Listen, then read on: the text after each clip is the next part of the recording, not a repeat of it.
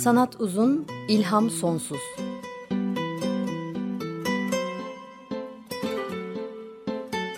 Sanat üzerine psikolojik sohbetler. Hazırlayan ve sunanlar Şenol Ayla ve Timuçin Oral.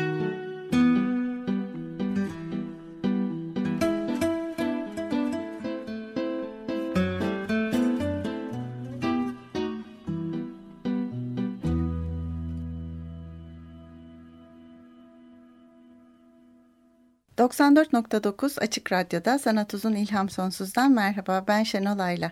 E, teknik Masada da bugün Robilin Dayar var. Twitter hesabımızı hatırlatayım. Et sanat alttırı uzun. Bugün de birkaç görsel ve linki e, program sırasında Twitter hesabımızdan paylaşacağım. Podcastımız var biliyorsunuz. Daha sonra da dinleyebilirsiniz programı. Açık Radyo.com.tr'nin ana sayfasında podcastlara erişim linkini bulabiliyorsunuz e, ya da Açık Radyo.com.tr'de programların altında da bizim programa ayrılmış sayfayı bulabilirsiniz. Önceki programda saplantıdan söz etmiştim. E, bugün saplantıdan biraz daha söz etmek istiyorum. Çünkü e, ucu açık kalmıştı. Şöyle e, bitirmiştik. Bir gıybet köşesi yapmış ve Moby Dick'in yazarı Herman Melville'in Göte hakkında dedikleriyle kapatmıştım. Bu dedikoduyu başka bir yazara Nathaniel Hawthorne'a yapmıştı bir mektubunda.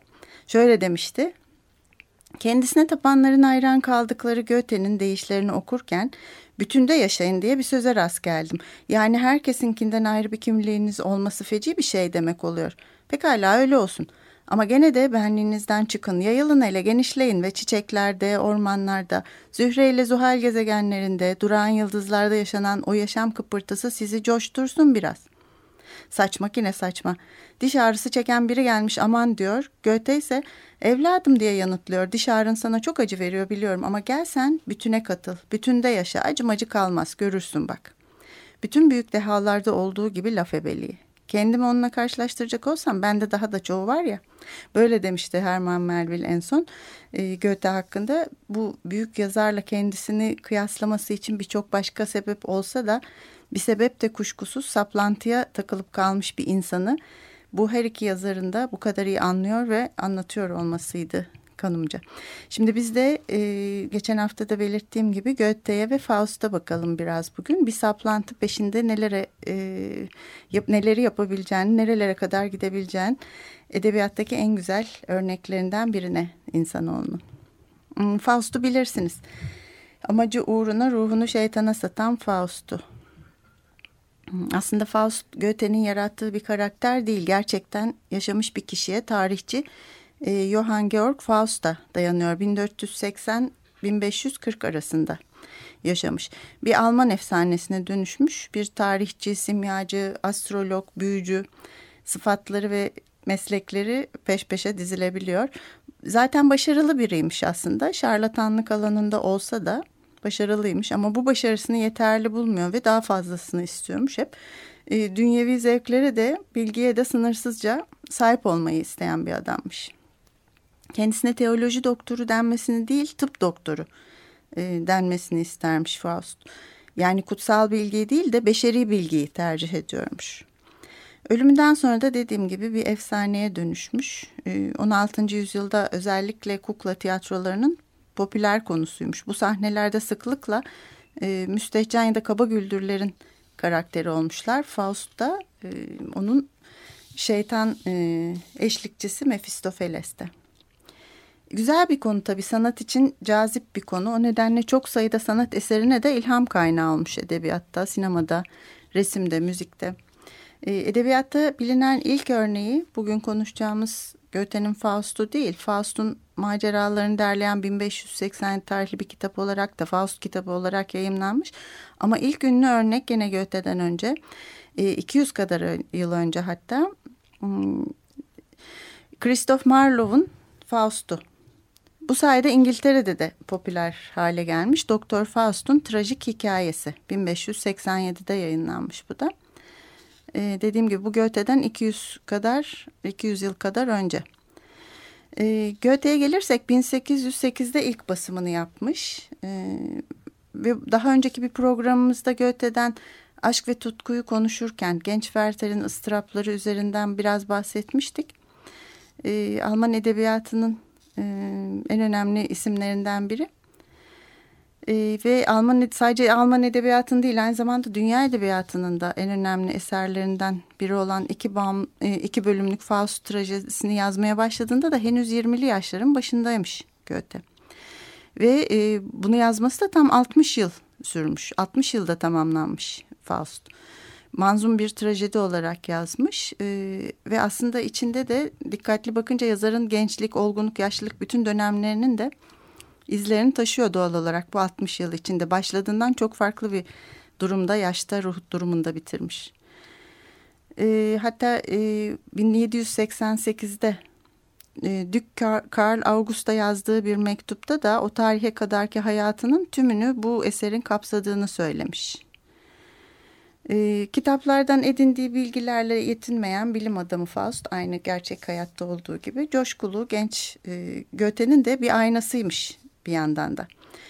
E, tutkulu ve öznel e, özellikler taşıyan ilk bölümünden sonra ikinci bölümde öznellikten pek söz etmek doğru olmaz diyor yazarlar ve yıllar içinde de 60 yıl içinde yazarın da olgunlaşan fikirleriyle birlikte daha yüce, daha geniş, daha aydınlık ve tutkudan daha uzak bir alem sunulur. Bu açıdan Goethe'nin yaşamına para, paralel, yaşlarına da paralel okuyunca daha da farklı oluyor aslında Faust. Ee, bu tragedya da belki bir anlamda Goethe'nin saplantısı olmuş sayılır mı? Bence sayılır. Bu kadar uzun bir süre tamamlamaması, hep bir tarafta tutup dönüp dönüp yazması belki de onun kendi saplantısıydı. Ee, hikayeyi bilirsiniz dedim, okumasanız da bilirsiniz. Ee, Faust şeytanla bir anlaşma yapar. Ee, istedikleri karşılığında ona da kendisini ruhunu satar. Aslında en başında da göklerde melekler ve Tanrı bütün bu olaylardan önce insanın yaratılışını kutsarken şeytan bununla dalga geçmektedir. Ve Tanrı ile şeytan e, yani Mephistopheles bir anlaşmaya iddiaya girerler ve yeryüzüne e, denek olarak bir insan seçelim onun üstünde bu tartışmamızı e, sonucunu görelim derler ve Faust'u seçerler. Faust sadece dünyevi zevklerle yetinmemektedir ve tüm evrene dair bilgiye de erişmeyi saplantı haline getirmiştir. Bunun için her şeyi yapacak durumdadır. O açıdan bakınca kişiliği de çok uygun bir denek tabii. E, sonsuz bilgi ve sır karşılığında da Mephistopheles'le anlaşmayı imzalar ve kendi kanıyla imzalar. E, orası da güzel bir ayrıntıdır. Şöyle diyor Faust. Duyuyorsun ya söz konusu değil sevinç. Sanrı'ya adıyorum kendimi en acı hazza. Sevgi dolu nefrete güç veren üzüntüye. Öğrenme hırsından kurtulan yüreğim hiçbir acıya kapanmayacak ileride. Ve tüm insanlığa pay edilenin kendi içimde çıkartmak istiyorum keyfini. Ruhumla en yükseğini ve en derinini yakalamak, onların mutluluk ve kederlerini göğsüme yığmak ve böylece kendi benliğimi onların benliğine ulaştırmak.'' ve onlar gibi sonunda kendim de mahvolmak. E, Faust trajedisinde de Tanrı ve şeytanın insan ruhu üstünde girdikleri iddia e, insanın zevk arayışı ve ahlak kuralları ile bencillik ve iyilikseverlik arasındaki çelişkinin de bir e, iddiası, bir kavgasıdır aslında. Faust istediği şeylere ulaşma hevesiyle türlü kötülükler işler. Bunları işlemesine de Mephistopheles yardımcı olur. Bazen destekler, bazen doğrudan önünü açar e, bu eylemler için. Daha önce saf bir aşkla sevdiği mesela Gretchen'i baştan çıkarır ve yıkımına sebep olur. Hatta cinayet işler. Bütün bunlardan sonra bütün o zevkleri tattıktan sonra asla da tatmin olmaz. E, ve sonuna kadar da gider. Saplantısının esiri olmak herhalde budur diye düşünüyorum.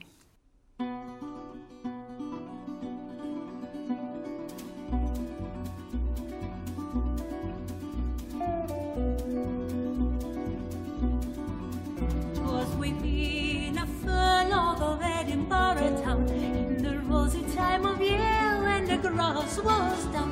Pony jockey blithe and gay, sit to Jenny making hay. Let us sit a little tea and prattle tea so sultry day. In long had courted black browed maid, but Jocky was a whack and would nickel send to whack. Which made a bishop brew and cried out with one or two.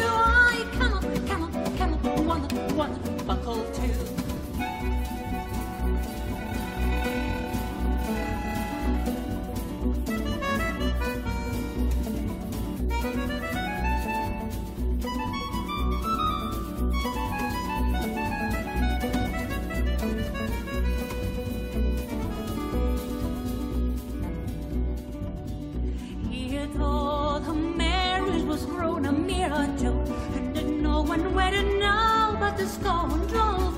Yet my dear wishes prevail, but I know not what I am. I shall dream of clocks and silly dogs with bottles at their tail. But I'll give the clothes and the bone dress to wear, and a pretty pretty ball to ride out and take the air. Even there was fish no food, and crying I should do one or two, one or two, buckle two.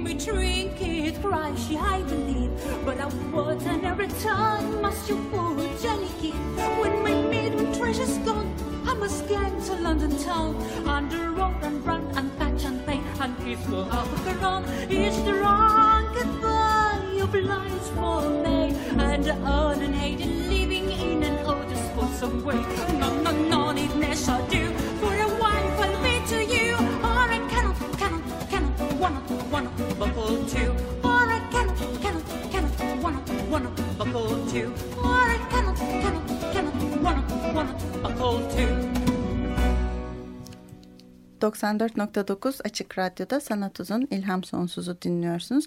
Bugün saplantılardan konuşmaya devam ediyoruz. Goethe'nin Faust'undan bahsediyoruz önce. Ee, şimdi kısa bir müzik dinledik. Christina Plühar ve L'Arpeggiata topluluğundan dinledik. Ee, Henry Purcell'ın e, müzikleri üstüne jazz improvizasyonlarını da içeren Music for a While albümündendi. Bu dinlediğimiz parçanın adı da It Was Within a Furlong'tu. Ee, Evet Göte ve Faust'tan bahsediyoruz. Devam ediyoruz. Geçen hafta da Moby Dick'ten ve Ahab'tan ve onların e, Ahab'ın tutkusundan, saplantısından bahsetmiştik. Faust'la Ahab'ın benzerlikleri ve farkları var tabii. Benzerlikleri de büyük. Kaptan Ahab'la ölümüne giden bir saplantı benzerliği var Faust'un arasında. Ama farkı da var. Ahab intikam peşindeyken ve tüm kötülükleri bünyesinde topladığına inandığı bir yaratığı Moby Dick'i dünyadan silmeye kararlıyken Faust daha farklı bir motivasyonla saplanmış. Kendisi için her şeyi istiyor. Tüm zevkleri ve kutsal bilgiyi. E, amacı ne olursa olsun ama ikisinin de ölüme kadar götürecek. Gerekirse bunun için hayatımızı da veririz dedikleri birer saplantısı var. E, Faust'un, e, Faust kitabının e, bir baskısında Doğu Batı yayınlarından çıkan baskısında İclal Can Korel önsüzde şöyle diyor. E, Goethe evrensel insan ruhundaki ikilemi işlerken aynı zamanda yeni bilim adamının nasıl olması gerektiğini de vurgular. Ve ortaçağ inançlarını yıkarak yeni çağdaki pozitif bilim adamının modelini çizer. Araştırmacı ruhu teşvik eden Goethe'yi kurmaca katında melekler canla başla çabalayan insanı kurtaracakları vaadiyle desteklerler. Varlığın iç yüzünü kavrama, insana vakıf olma arzusuyla sonsuz bir açlık içinde bilgiye susamış, araştırıcı, çabalayan ruhun serüvenidir Faust diyor. Ee, burada aslında demek istiyor ki bir bilim adamı gerçekten yeni bilim adamının nasıl olması gerektiğini vurguluyor Faust. Gerekirse kendi ölümüne kadar her şeyi bilmek, her şeyi öğrenmek istiyor. Tabii sadece bilgiyle sınırlı kalmıyor Faust'un. Tutkuları, aşk isteği, sonsuz dünyevi zevkler isteği de bir tarafta var. Ve onların da üstüne çok fazla e, gidebiliyor Mephisto sayesinde. Ve tabii bütün bunların yanında cinayet gibi bilim adamının dışına çıkacak şeyleri de m, yapıyor. E, Faust'un günümüzde örneği olarak tabii ki tutkusu ve saplantısı peşinde her şeyi yapacak, her şeyi isteyen, kendisi için isteyen çok sayıda e, örnek görebiliyoruz. Politika sahnesinde hepimizin tanıdığı örnekler var yakında ve uzakta. Günlük hayatta da birçok Faust görüyorum ben. Ruhunu şeytana satarken bütünüyle satmak şart değil hikayedeki gibi tabii ama küçük ufak ufak gündelik satışlar diyelim ya da kiralamalar diyelim. Başarıya giden yolda her şey mübahtır, düsturu ve gerekiyorsa kendinden de başkalarından da bedel ödemeler. Büyük bir amaç uğruna yapılacak küçük kötülükler, ahlaksızlıklar. E, mutlaka büyük boyutlu ve sansasyonel olması da şart değil. Başarıya gitmek için herkesi çiğneyebilmek bir yaşam düsturu olunca iş başarısı için göze alınabilecek ahlaksızlıklar kabul edilebilir sayıldığı zaman işte öyle ruh satışları da insanı çileden çıkarıyor bana kalırsa.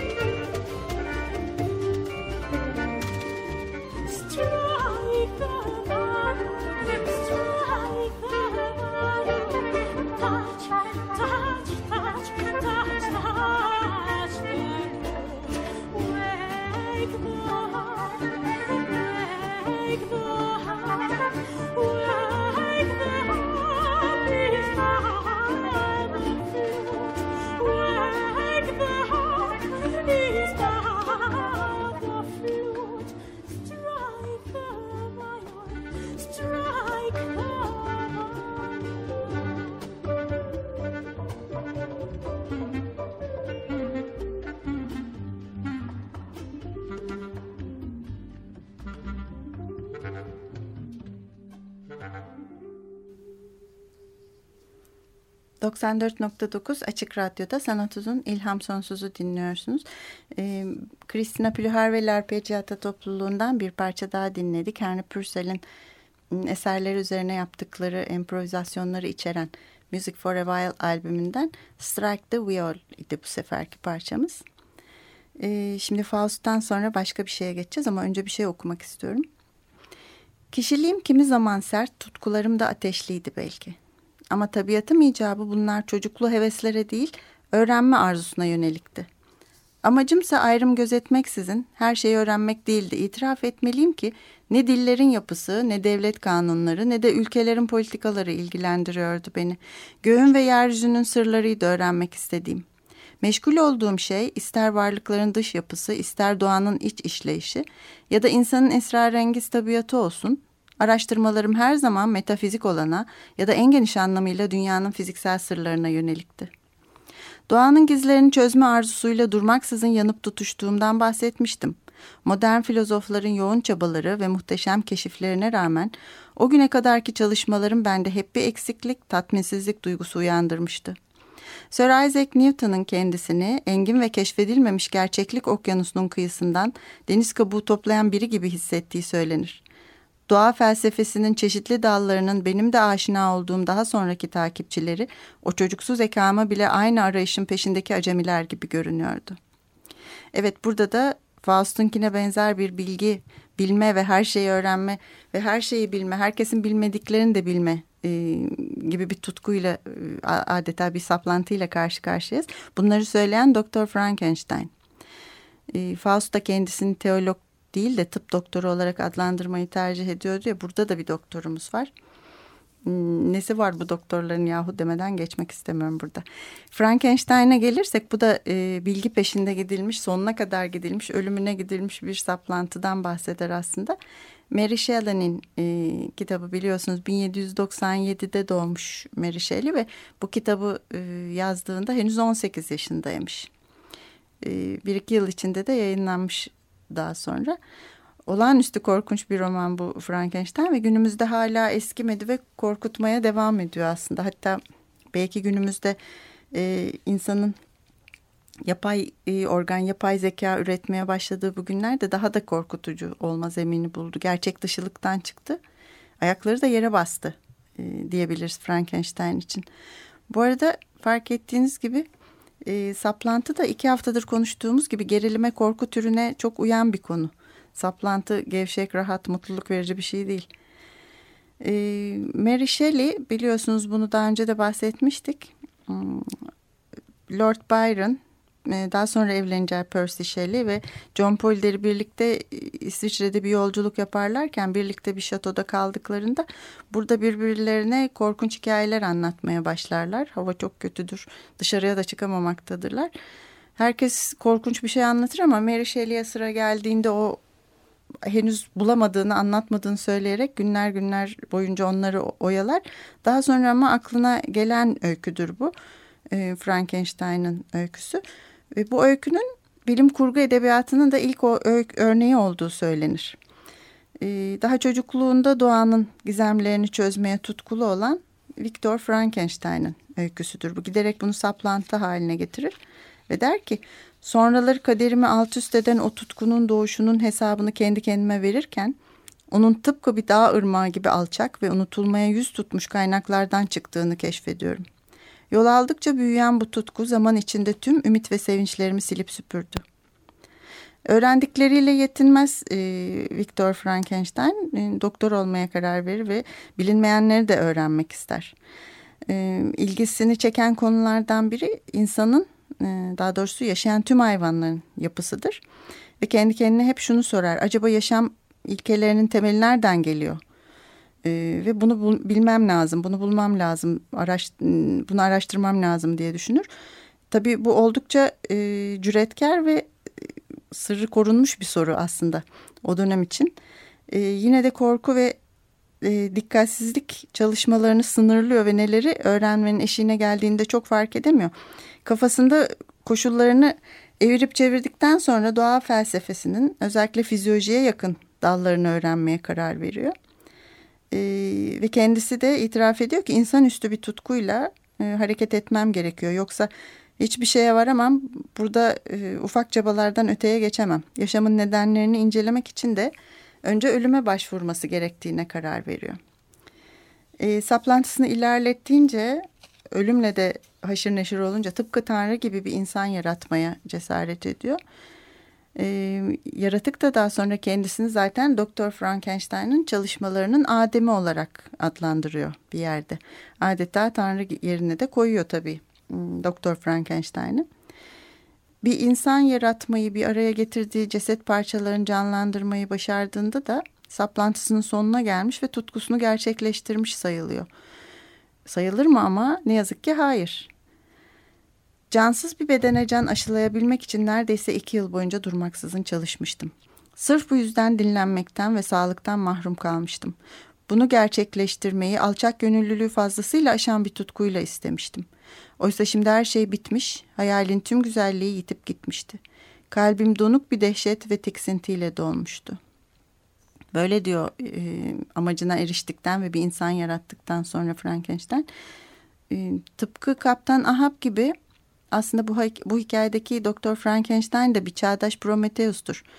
E, zaten e, romanın adında da e, Doktor Frankenstein ya da modern Prometheus olarak geçer tam olarak. Hmm, bu öykünün ve konunun da çok sayıda filme ve sanat eserine e, ilham kaynağı olduğunu bilirsiniz. E, ama ben de e, şunu ilk defa öğrendim ki bunu araştırırken Edison stüdyolarının Thomas Edison'un kurduğu Edison stüdyolarının 1910'da ilk yaptıkları film Frankenstein filmiymiş. Ve bir şey daha var. Ee, tabii ki bir yaratık ortaya çıkarmak, bir insan yaratmak derken Isaac Asimov'un romanlarında da Frankenstein kompleksi diye bir şey var. Ee, o da mekanik insanlardan korku anlamına geliyor. Şimdi bir ara verip bir parça daha dinleyeceğiz. Ee, tekrar e, Christina Plühar ve Larpeggiata'dan dinliyoruz. Ee, Curtain Tune on a Ground.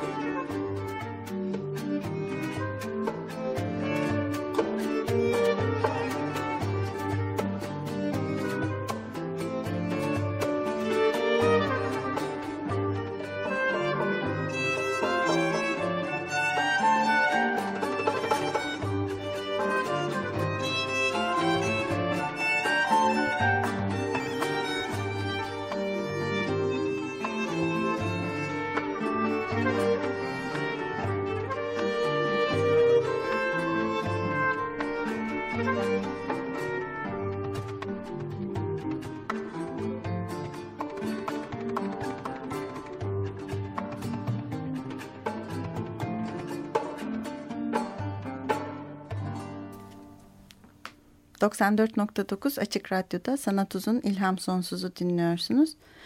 Christina Pülühar ve Larpeggiata'dan dinledik. Curtain Tune on a Ground. Henry Purcell'in e, eserler üzerine improvizasyonları içeren Music for a While albümünden de bu da. Bugün saplantılardan konuşuyoruz ve en az Faust ve Frankenstein kadar belalı, bunlar kadar öldürücü bir başka saplantı örneğimiz daha var. Çok güncel, güncel edebiyattan. Bu da çok güzel bir örnek. Yeni e, keşfettiğim, yeni fark ettiğim bir kitap. E, Javier Serkas'ın e, Saplantı romanı. Bu İspanyol bir yazar. E, edebiyatla veya yazmayla biraz ilgisi olan herkesin anlayabileceği ilginç, hoş bir konu. Yazma saplantısı var burada da. Zaten Serkas da bu romanın kahramanı olan yazar adayını o kadar iyi anlatma, anlamaktadır ki romana Gustave Flaubert'in bir sözüyle başlar. E, roman başlamadan önce şunu yazar. Yaklaşık şu anlama gelen Latince bir cümle var. Pisliğin içindeki altın parayı dişleriyle toplamak. Bu retorik söylem cimrileri betimlemek için kullanılıyordu. Ben de onlar gibiyim. Altın ararken beni hiçbir şey durduramaz. E, Javier Serkas'ın da kahramanı olan e, Alvaro'nun da burada pislik içinde altın parayı dişleriyle toplamaktan anladıkları şey tabii ki roman yazmaları ama ölümüne roman yazmaları. Javier Cercas 1962 doğumlu bir İspanyol yazar, gazeteci, akademisyen, edebiyat profesörü. Çok ödüllü ve üretken bir yazar. Türkiye'de başka kitapları da var. Salamine Askerleri, Kiracı, e, Sınırın Yasaları gibi. E, dünyada da tanılan ve özellikle tarihi bellek üstüne romanlar yazan, e, İspanyol İç Savaşı'ndan, e, Franco dönemi diktatörlüğünden e, kaynaklanan romanlar, konu alan romanlar yazan bir yazar. Saplantı yani Elmoville 1987'de yazdığı ilk romanı. Ama Türkiye'de de en geç yayınlanan kitabı. Geçen yıl, geçtiğimiz yıl yayınlanmış. Ama bir yandan da bu iyi olmuş çünkü bu yazara göre de en iyi kitabı e, Elmoville. Şöyle diyor kendisi de bir yazar yayımladığı ilk kitabından daha sonraları daima pişmanlık duyar.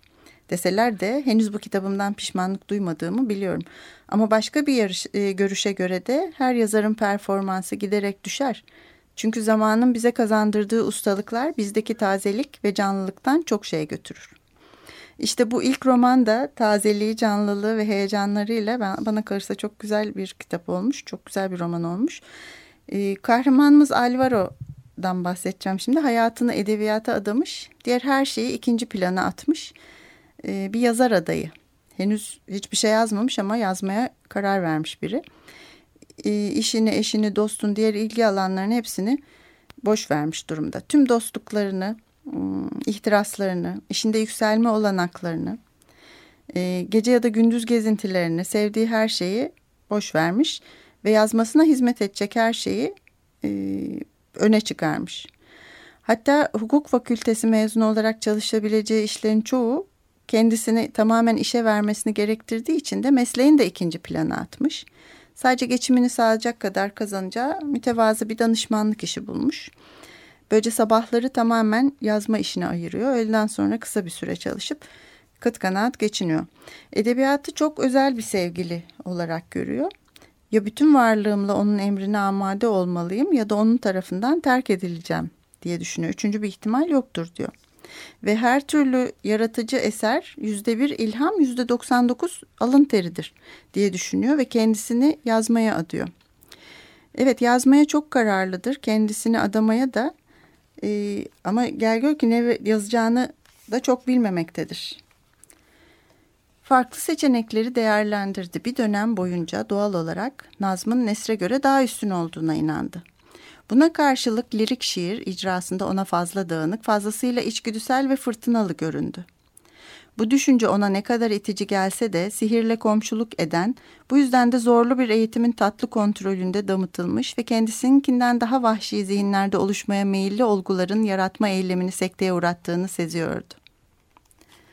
Ee, sonrasında birçok yazın türünden e, deneyip kafasında deneyip onu yapabilirim bunu yapamam dedikten sonra epey uğraştıktan sonra bir roman yazmaya karar verir.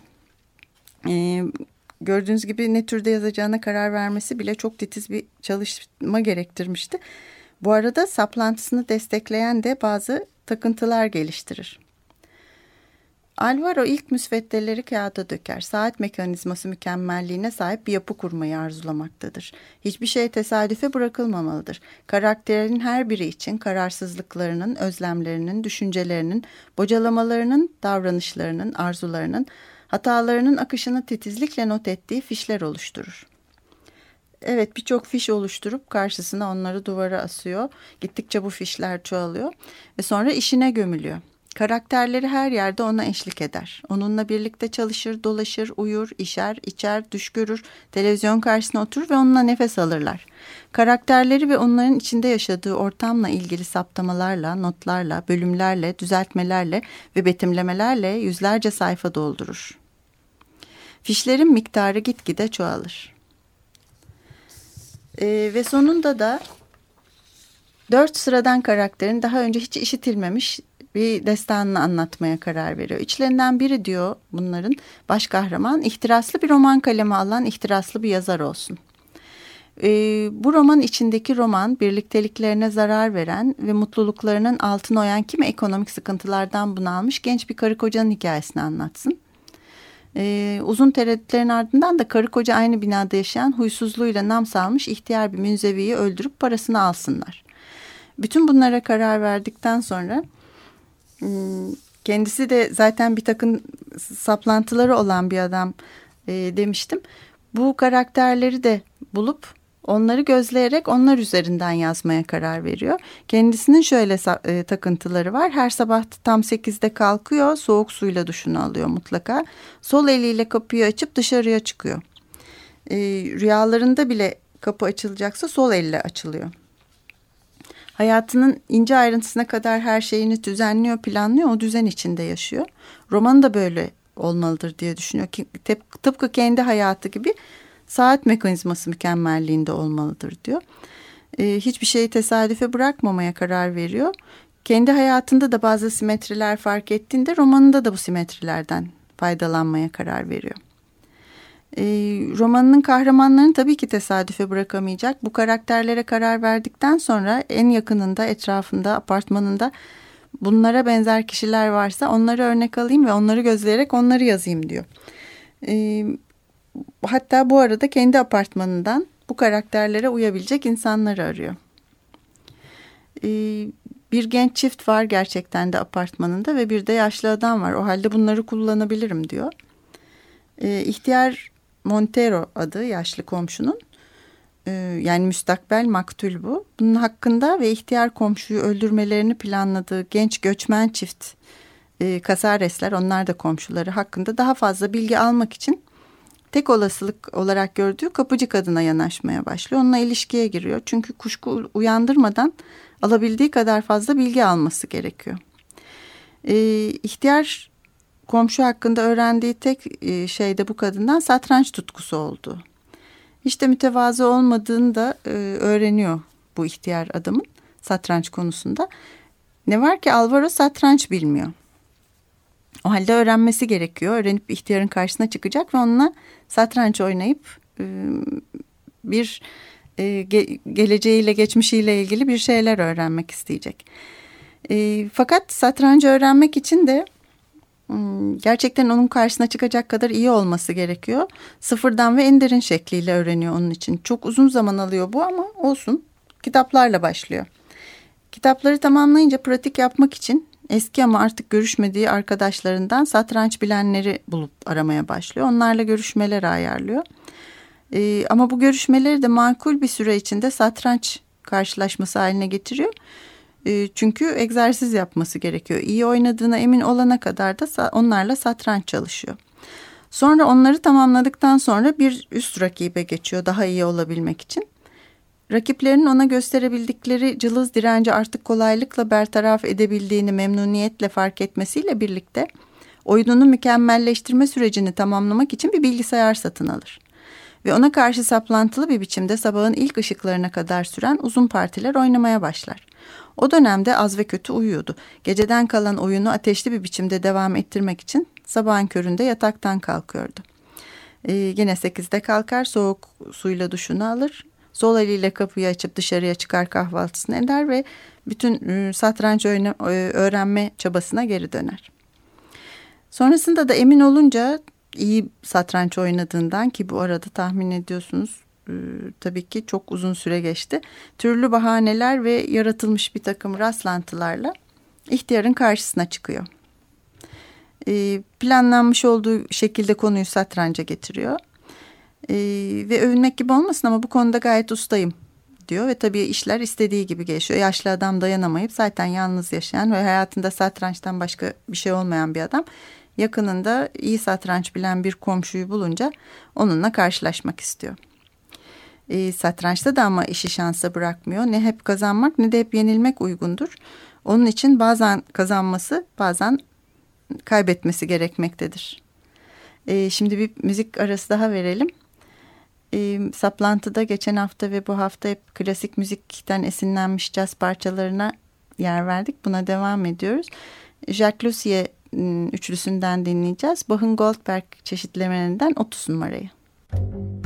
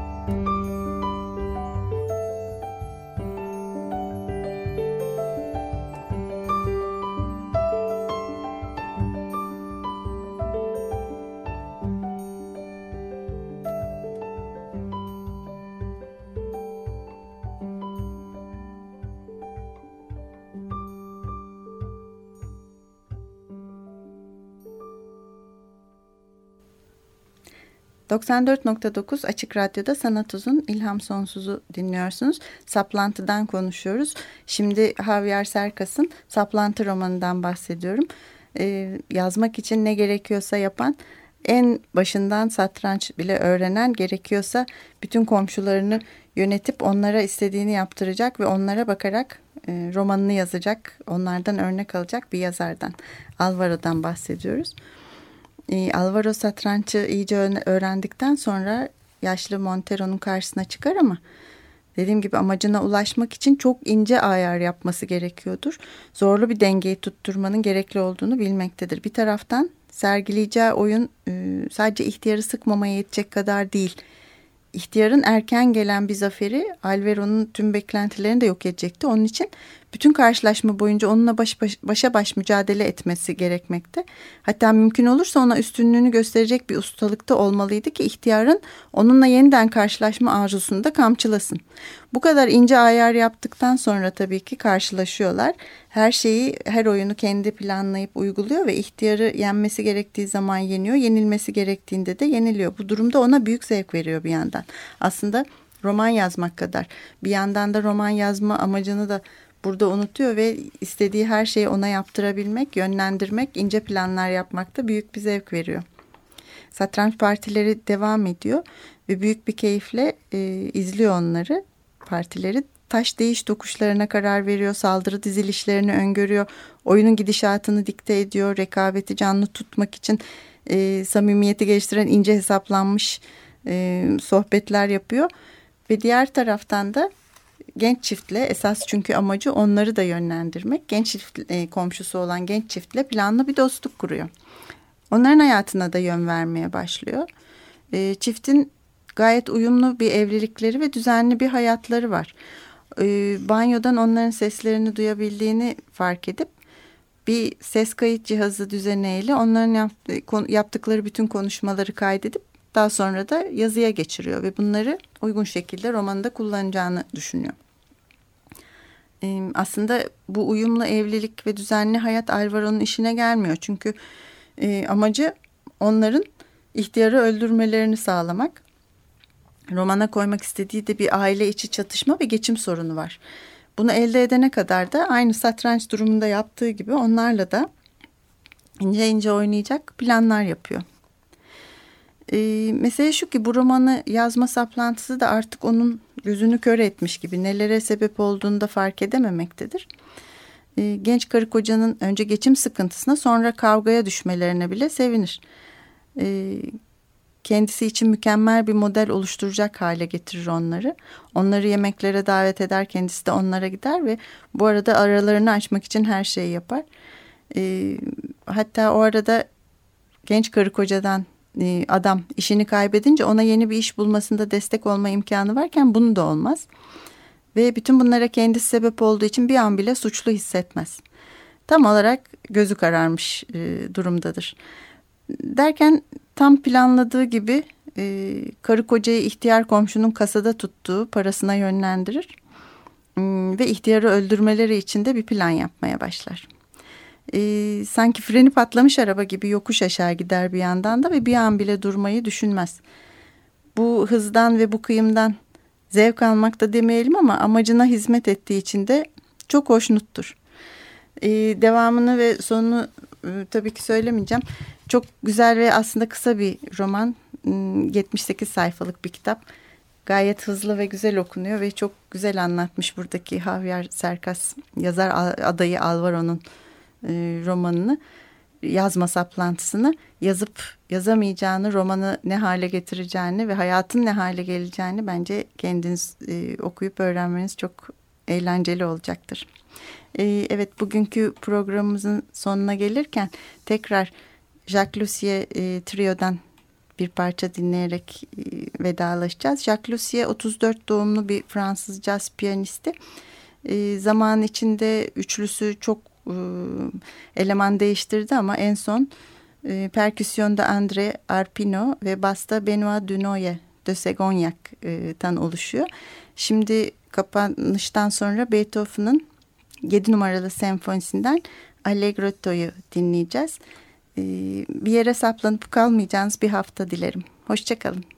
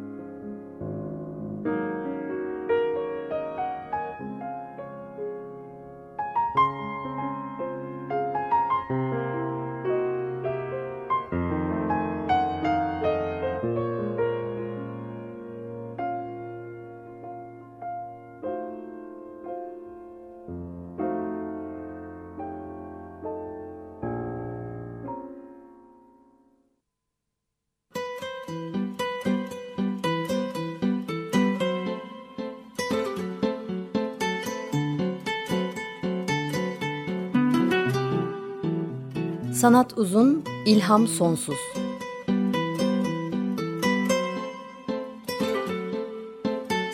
Sanat üzerine psikolojik sohbetler. Hazırlayan ve sunanlar Şenol Ayla ve Timuçin Oral.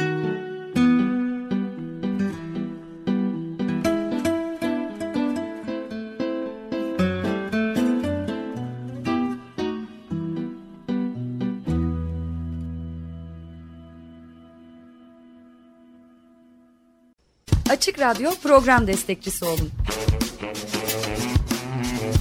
Bir veya daha fazla programa destek olmak için 212 alan koduyla 343 41 41.